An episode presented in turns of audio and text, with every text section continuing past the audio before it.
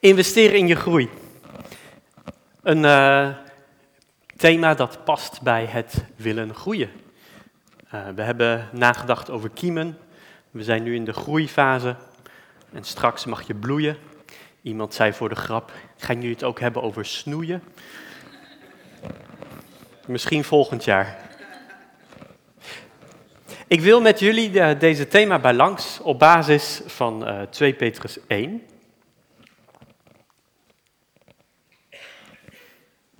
Kijken. En mijn iPad is buggy.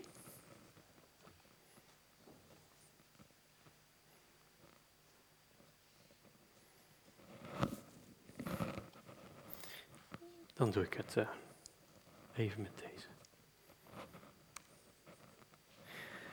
We lezen Simeon Petrus, dat is de Petrus die we kennen, een dienstknecht en apostel van Jezus Christus, aan hen die een even kostbaar geloof ontvangen hebben als wij, door de gerechtigheid van onze God en zaligmaker Jezus Christus.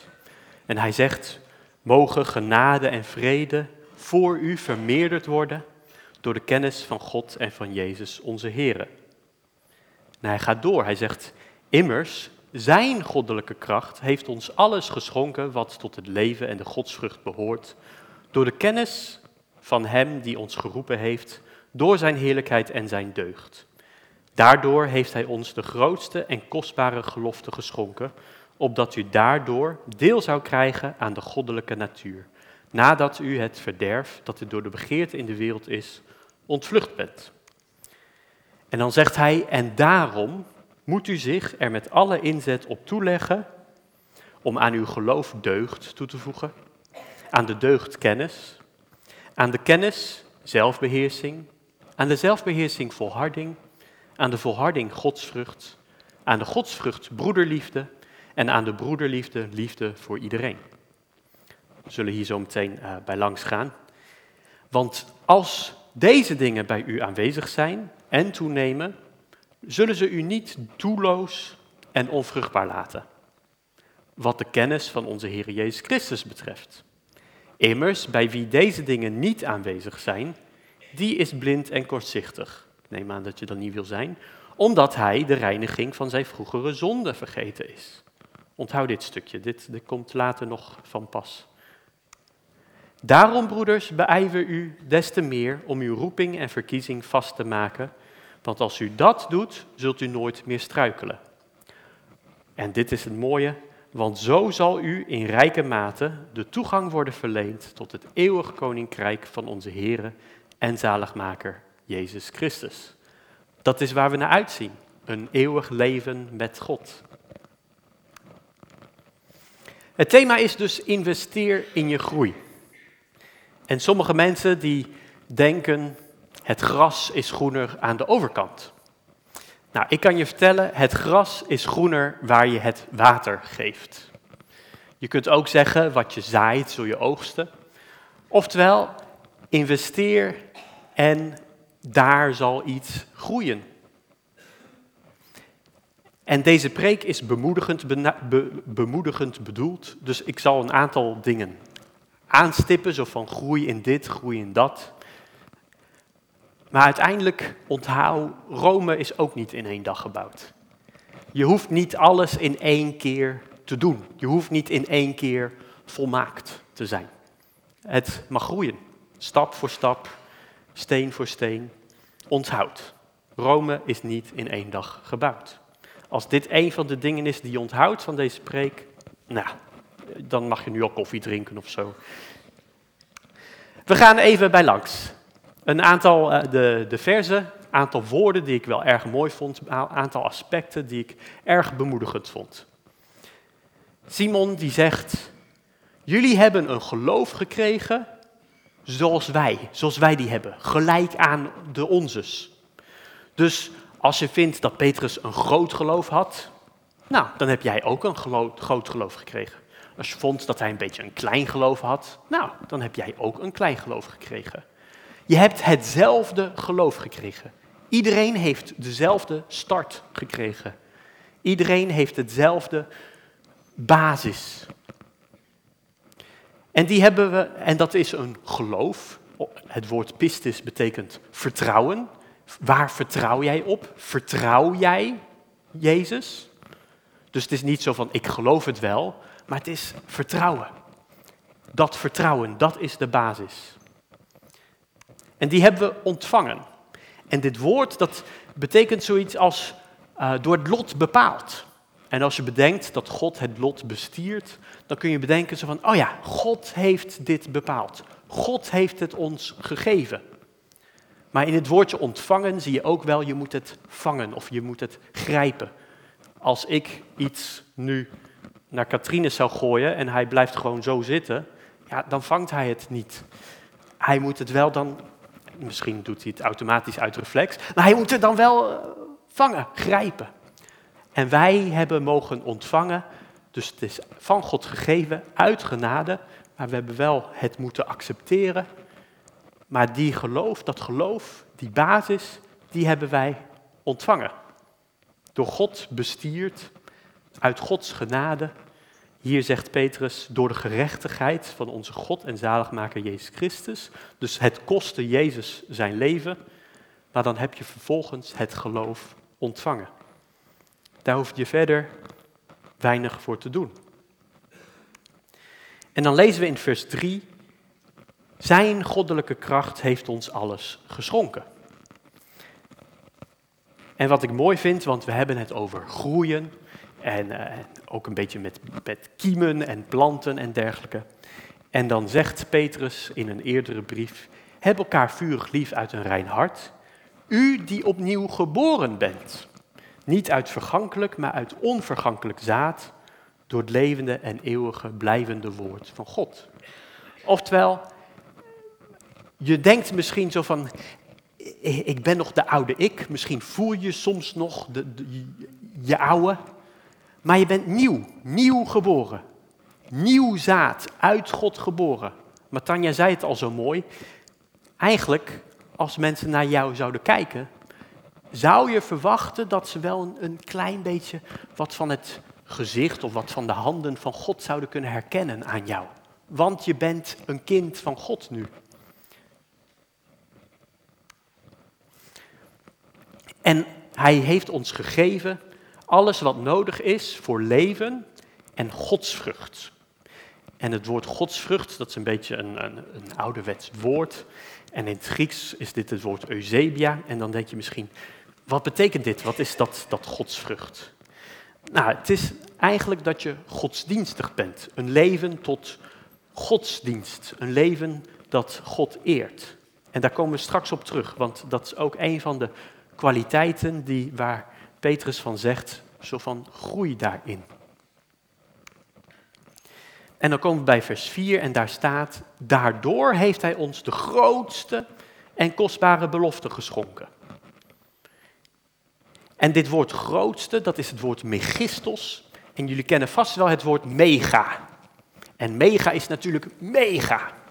En dan megistos is de overtreffende trap. Dus nog meer dan mega, dus megistos, echt het allergrootst, het alleroverweldigendst. Zo zijn de beloften die God geeft. Wat zijn een paar van die beloften die God gegeven heeft? Enig idee? Of wat vinden jullie kostbare beloften van God? Toegang tot eeuwig leven, absoluut, ja. Nog eentje? Ja, de weg naar God is vrij, zeker. Ja. Daaraan wil ik toevoegen nog, de Heilige Geest is ons ook als belofte gegeven. En niet alleen als belofte van het komt nog, we hebben hem al gekregen. En die zijn ons gegeven zodat we deel zouden hebben aan, Gods, aan de goddelijke natuur. En dan denk je misschien, hoe kan dat? Ik, ik ben toch een mens, hoe kan ik deel hebben aan de, aan de goddelijke natuur? Maar Jezus zegt, ik ben de wijnstok en u de ranken. Wie in mij blijft en ik in hem, die draagt veel vrucht. Want zonder mij kunt u niets doen. Oftewel, we zijn in Jezus, in Christus. We zijn in God. daardoor kunnen wij deel hebben aan Gods goddelijke natuur. Daardoor kunnen we steeds meer lijken op Jezus. En je denkt misschien wel eens, ach, ik ellendig mens. Paulus dacht dat in ieder geval. En dan denk je aan hoe, hoe moeilijk het soms is om heilig te leven, om te blijven geloven, om niet het verkeerde te doen. En uh, mochten jullie na de dienst uh, nablijven en kletsen en herkauwen, dan kunnen we dingen herkauwen. En of we kunnen misschien uh, het hierover hebben, zo van hoe zie jij dit in je leven? Dat, ja, voel je soms zo ellendig? Of, of heb jij de oplossing van, van, ja, of heb jij de oplossing? Daar ben ik heel benieuwd naar. Nou, Paulus die verklapt wel dat dit ligt aan de wet van de zonde die nog werkt. Hij geeft eerder aan, we zijn één plant geworden met Christus. We zijn samengegroeid met Jezus. Doordat we met Hem zijn gedood. En op die manier zullen we ook met Hem opstaan. Of zijn we ook met Hem opgestaan. En hij zegt ook, we zijn gedood zodat we een nieuw leven zouden leiden. En we zijn gedood zodat we vrucht zouden dragen voor God. En zo op die manier kunnen wij deel hebben aan de goddelijke natuur. En dat is ook, uh, Tom die, die bracht het ook mooi, als je denkt aan die dorre beenderen, die, die waren helemaal dood. Maar de Heilige Geest, die bracht leven. Door de Heilige Geest, en dat vind je ook terug in Romeinen, uh, wat ik net even heel snel overheen ging.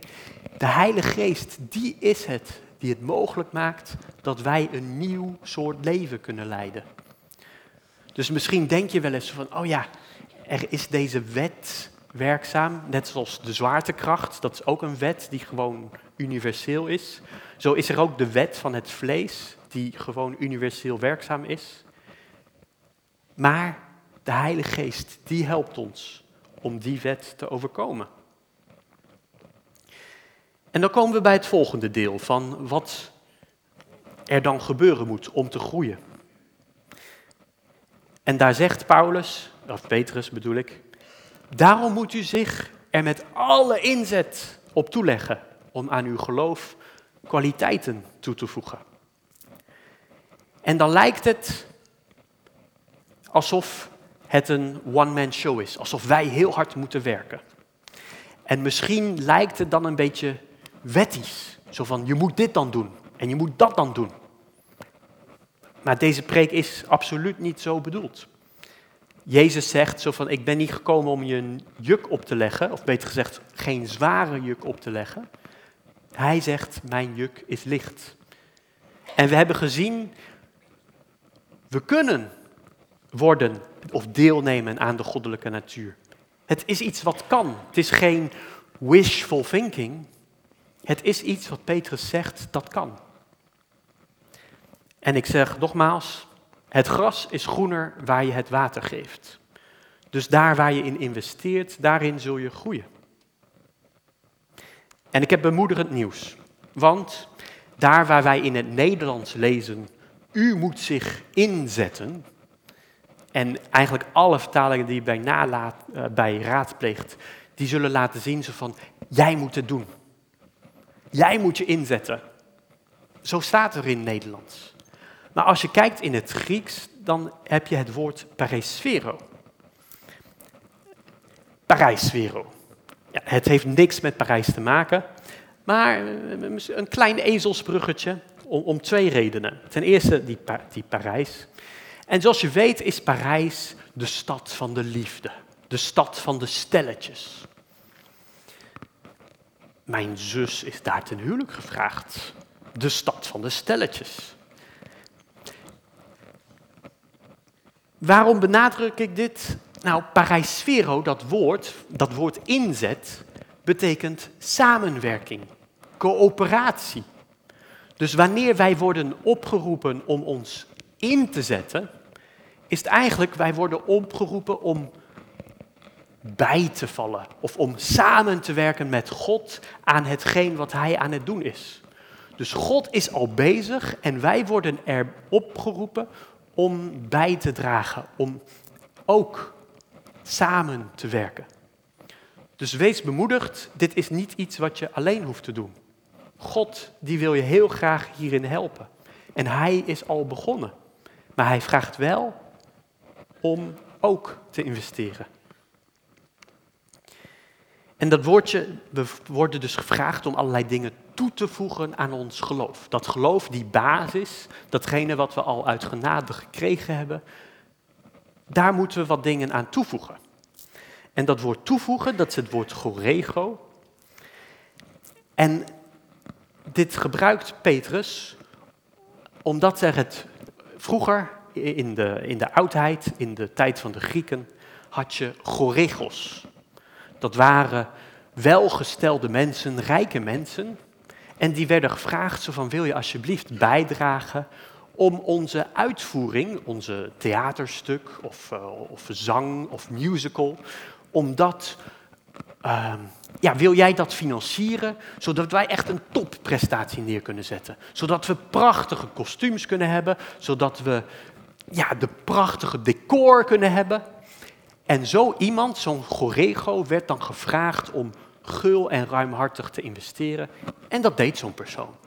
Dus zo'n persoon, zo'n Gorego, die vanuit wat hij had, gaf hij ruimhartig en gul om echt een topprestatie, een topuitvoering neer te kunnen zetten.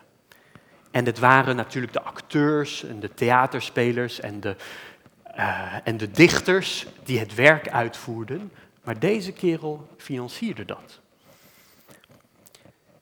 En zo worden dus ook wij gevraagd om te investeren. Om te investeren in die groei. Er wordt wel van ons gevraagd om er gul en ruimhartig in te investeren. En dan krijg je niet een B-film, waarbij je na de hand denkt van, ach, heb ik hier mijn tijd aan verdaan. Maar dan krijg je een A-film, zoals een film waar bijvoorbeeld Tom Hanks in speelt. Uh, bijvoorbeeld. Um, en, en even de info, waar je schat is, zal ook je hart zijn. En mocht je bedenken, mocht je je afvragen, waar is mijn hart? Nou, kijk dan eens, waar, waar praat je veel over? Waar het hart vol van is, vloeit de mond van over. Om heel eerlijk te zijn, dan kun je bij mij uh, denken dat spellen mijn schat zijn. Uh, nou, ik ben benieuwd, wat van jullie de schat? Misschien kunnen we daar straks ook over hebben.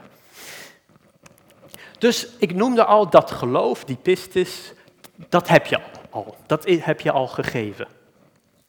Dat is jou al gegeven. En voeg daar deugd aan toe. En deugd is zo'n ouderwets woord. In het Grieks is dat arete. Nou, dat is nog ouderwetser, want het Grieks is echt heel oud. Maar dat betekent vervulling, volkomenheid. Eigenlijk geeft eh, Petrus aan, kom tot je bestemming. Word, kom tot je vervulling. Daar waar God je voor gemaakt heeft, werk daar naartoe. Leef doelbewust. En een ander die geeft aan zo van, ja, dat, dat woord arete, dat, die, dat woord deugd, dat heeft alles te maken met leven op zo'n manier dat het aangenaam is voor God. En dan datzelfde woord, dus dat woord, die wordt ook gebruikt in, in dit vers, van, ook van Petrus, en die zegt, u bent een uitverkoren geslacht. Een koninklijk priesterschap, een heilig volk, een volk dat God zich tot zijn eigendom maakte, zodat opdat u de deugden zou verkondigen van hem die uit de duisternis geroepen heeft tot zijn wonderbaar licht. Datzelfde woord wordt hier gebruikt. Het woord van perfectheid, van de geweldigheid van God. Of het woord de lovenswaardige daden van God. Wij zijn geroepen om de lovenswaardige daden van God te verkondigen. Dus de bedoeling is dat wij aan ons geloof toevoegen lovenswaardige daden. Daden waarbij mensen denken van, oh, goed zo, oh wauw, wat mooi. En uiteindelijk is het zodat mensen God eren. En voeg daaraan toe kennis. En kennis, dat is niet zo van kennis van, uh, nou, uh, de wortel van 4 is 2, waar je niks aan hebt. Maar kennis is, ik heb er niks aan.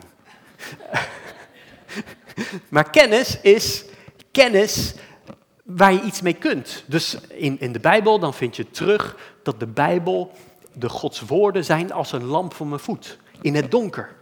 In het donker vind ik het heel fijn dat ik tegenwoordig dan, uh, ik heb deze altijd in mijn broekzak, dus ik heb nooit meer een zaklamp nodig. Ik heb altijd mijn mobiel en dan doe ik even zo en dan doe ik zo en zo en dan heb ik een geweldige zaklamp. Dat is nuttig, want dan kan ik zien, dan kan ik verder wandelen. En dan zie ik misschien niet wat 20 meter verderop is, maar ik zie wel dat ik niet tegen die ene steen struikel. En zo zegt Petrus, groei in de kennis, ken Gods woord. Hij zegt eerder, verlang naar het woord, opdat u daardoor groeit. En als je Gods woord kent, dan weet je wat nodig is voor een goed leven. En voeg daaraan toe zelfbeheersing. En zelfbeheersing is je inhouden wanneer het eigenlijk roze geur en maneschijn is. Wanneer het mooi is, of misschien te aanlokkelijk, dat je dan inhoudt. En hij zegt, voeg daaraan toe de volharding. En dat is niet inhouden, maar volhouden. Als het tegenzit, als het moeilijk is, houd dan vol. En voeg daaraan toe godsvrucht. En dit is het woord Eusebia. En andere vertalingen die hebben het over vroomheid. Voeg toe vroomheid. En dan denk je, wat is dat nou weer? Nou, dat heeft ook weer alles te maken met God vrezen, God eren en aanbidden. Kom, laten wij Hem aanbidden. En God dienen. Laatst hoorde ik de, kwam ik erachter wat deze geweldige term betekent. de term coram deo. Ik had er wel eens van gehoord, maar eigenlijk nooit bedacht wat het betekent. En het heeft te maken met leven rekening houdend met God. En ik dacht, oh wat mooi. Dat je leeft op zo'n manier dat je weet dat God kijkt, toekijkt. En dat je rekening met Hem houdt. En in dit geval is het ook dat je weet dat Hij toekijkt en voor je zorgt. Op zo'n manier mogen wij leven. En dat woord vroom die, dat woord godsvrucht, dat zie je ook hier bij, bij Cornelius. Cornelius was een Italiaan en hij was een vroom man. Die net als zijn huisgenoten God vereerde of God vreesde, bang voor hem was. En hij gaf vrijelijk aalmoezen aan het volk en bad veelvuldig tot God. En het waren andere mensen die over hem konden zeggen dat hij vroom was. Want het waren andere mensen die zagen wat hij deed. Ze zagen dat hij gul aan de armen gaf. En daarom noemden ze hem vroom. Ze merkten dat hij God wilde dienen en daarom werd hij vroom genoemd. En even een klein uitstapje. Deze kerel was dus vroom, maar zoals ik al noemde, hij, hij was een Italiaan, geen Jood. En hij, hij, hij kende God niet. Of nee, hij wilde dus God eren. En hij leefde een goed leven. Hij gaf aan de armen. Nou, dat vindt God geweldig. Dus hij was absoluut een vroom man. Maar God vond het nodig, God de Vader vond het nodig dat hij wel nog zou horen van Jezus Christus. Want redding is alleen in Christus. Dus hoewel hij godsdienstig was, hoewel hij rekening wilde houden met God, was dat niet genoeg voor God. God had wel zoiets van, er mist een puzzelstukje. Hij moet over Jezus horen. Dus zorgde hij ervoor dat Petrus bij hem terechtkwam en hem het evangelie kon uitleggen. Dat is Gods verlangen en dat is Gods genade. Vanuit God kwam de boodschap van zijn genade. Dus als je denkt van ik moet een vroom leven leiden, dan betekent dat handel God erend, wees godsdienstig En vroomheid gaat niet over vrome praat. Dus het gaat er niet alleen maar om dat je telkens het over God hebt. Maar laat het ook eens zien met je daden. Dat je God. Wees eens Gods handen en voeten. Laat je licht schijnen. En voeg aan die godsvrucht, aan, voeg aan die vroomheid, broederliefde toe. Philadelphia. En broederliefde heeft te maken met, je zou het ook kunnen noemen, de liefde voor christelijke broeders en zusters. De Philadelphia is een liefde die is gebaseerd op relatie, op contact, op, nou je zou soms kunnen zeggen, voor wat hoort wat. Zo van, ik investeer in jou, dan investeer jij in mij. Nou, we hebben een relatie. Ehm, ja, zo'n soort liefde is de liefde die, eh, waar, Petrus op doelt. Dat mensen naar ons kijken, ons als huisgezin van God, en denken van, ah, die hebben elkaar lief. Wauw, wat mooi. Dat, dat wil ik eigenlijk ook. Dat zegt Petrus. Voeg dat eraan toe. En tot slot, voeg daaraan toe liefde voor iedereen. Voeg daaraan toe agape. En agape, ik heb hier bewust voor iedereen heb ik doorgestreept. Want hij, Petrus bedoelt niet heb liefde voor iedereen. Dat, dat is niet de betekenis van het woord agape. Die agape is een liefde die is zelfopofferend. Die is, je zou bijna kunnen zeggen, zelfs eenzijdig. De, de broederliefde, de Philadelphia, dat is met relatie. Dan, dan ken je elkaar, dan ben je aardig voor elkaar. Dan weet je ze van, oh ja, ik doe wat leuks voor jou en jij bent dan aardig voor mij. Oh ja, we zijn al vrienden. Weet je wat, daarom doe ik van alles en nog wat, omdat we matties zijn. Omdat ze vrienden zijn. Maar deze agape-liefde, die gaat er niet per se van uit dat de ander iets terug gaat doen voor jou. Die gaat er niet van uit dat er al een relatie is. Dus ja, wat dat betreft, ja, met iedereen heb je nooit een relatie. Dus wat dat betreft, heb liefde voor iedereen. Dat zou je dan dus, is een interpretatie. Maar het betekent ook misschien dat er wel een christelijke broeder of zuster is die ja, het nooit zal kunnen terugdoen wat jij dan voor die persoon gedaan hebt. Ehm, maar het kan ook zijn, en dan kijken we wel naar buiten dus die die gemeenschap van, van christelijke broeders en zusters. Een ander, die inderdaad helemaal Jezus niet kent, misschien hem nooit gaat kennen. Uh, ik moet denken aan, aan moeder Teresa, die hielp de hindoes, de zieke, zwakke, misselijke hindoes, die nooit van plan waren om zich te bekeren. Maar alsnog hielp zij ze. Dat is agape.